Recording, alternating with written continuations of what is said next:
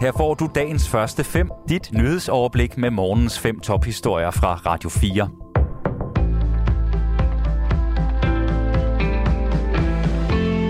Det er mandag den 24. oktober. Jeg hedder Signe Ribergaard Rasmussen. Godmorgen. Det danske forsvar skal have flere penge, og det skal gå stærkt. Det er en del af de konservatives forsvarsudspil, som vi kan fortælle om her til morgen. Ifølge partiets formand Søren Pape Poulsen skal ambitionsniveauet for forsvaret af Danmark op for at sikre danskernes tryghed i hverdagen i en mere usikker verden. Det siger han til os på Radio 4. Den tidligere britiske premierminister Boris Johnson siger i en erklæring, at han ikke stiller op i kampen om at blive ny formand for det konservative parti. Meldingen kommer efter vedvarende spekulationer om, at Boris Johnson vil gå efter at lede Storbritannien igen.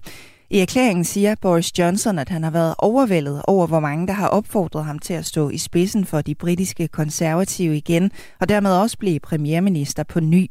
Men i løbet af de seneste dage er jeg desværre kommet frem til den konklusion, at det ikke vil være det rette at gøre.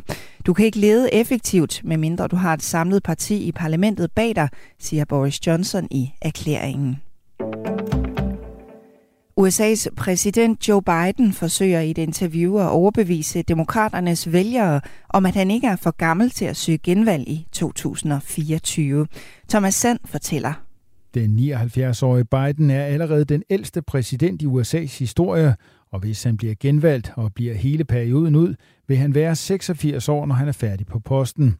Biden har flere gange sagt, at han agter at søge genvalg i 2024, selvom mange i hans parti har rejst spørgsmålet, om ikke en yngre kandidat vil være foretrække.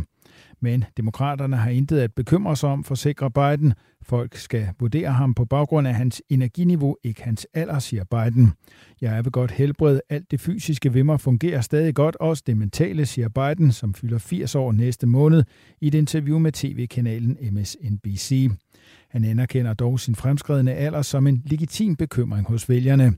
Jeg respekterer skæbnen. Jeg kunne få en sygdom i morgen. Jeg kunne falde død om i morgen. Hvad angår mit energiniveau i forhold til, hvor meget jeg er i stand til at gøre, synes jeg, at folk bør spørge sig selv, kan han stadig have samme passion for, hvad han gør, siger Biden.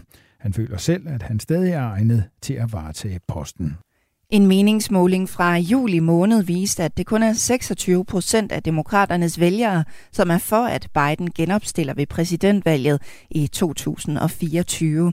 De peger på alderen som den største årsag til, at Biden ikke bør gå efter genvalg. Omkring 23.000 personer er flygtet fra Kongo siden voldelige kampe mellem regeringsstyrker og oprørsmilitser er blusset op i den nordlige del af landet. Det oplyser FN's nødhjælpskontor OCHA. Cirka 2.500 personer er ankommet til nabolandet Uganda siden torsdag. Siden marts har sammenstødene i alt fordrevet mindst 186.000 personer. I alt er over 396.000 personer fordrevet i Røtjerø-regionen i den nordlige del af landet, det oplyser OCHA.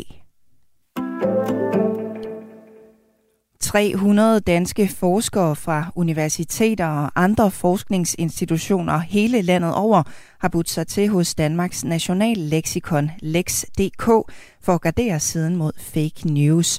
Det meddeler Danmarks national Lexikon i en pressemeddelelse. For forskernes vedkommende så vil arbejdet foregå ved siden af deres almindelige forskerjob. Og det er et super vigtigt stykke arbejde, som forskerne skal i gang med.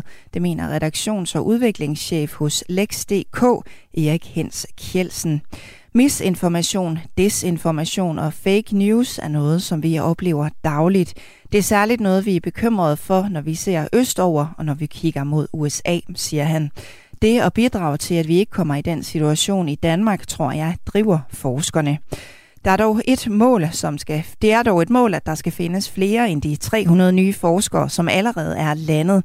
Vi regner med, at vi skal bruge ca. 1000 forskere, og de 1000 forskere vil vi gerne have ombord hurtigst muligt, siger Erik Hens Kjelsen. Og det er nødvendigt med et øget fokus på fake news, for det findes, og udbredelsen skyldes ifølge Erik Hens Kjelsen blandt andet sociale medier. Dagens første fem er tilbage igen i morgen tidlig. Hvis du har brug for en nyhedsopdatering inden da, kan du altid fange os i radioen, på nettet og i vores app. Vi høres ved til dagens første fem fra Radio 4.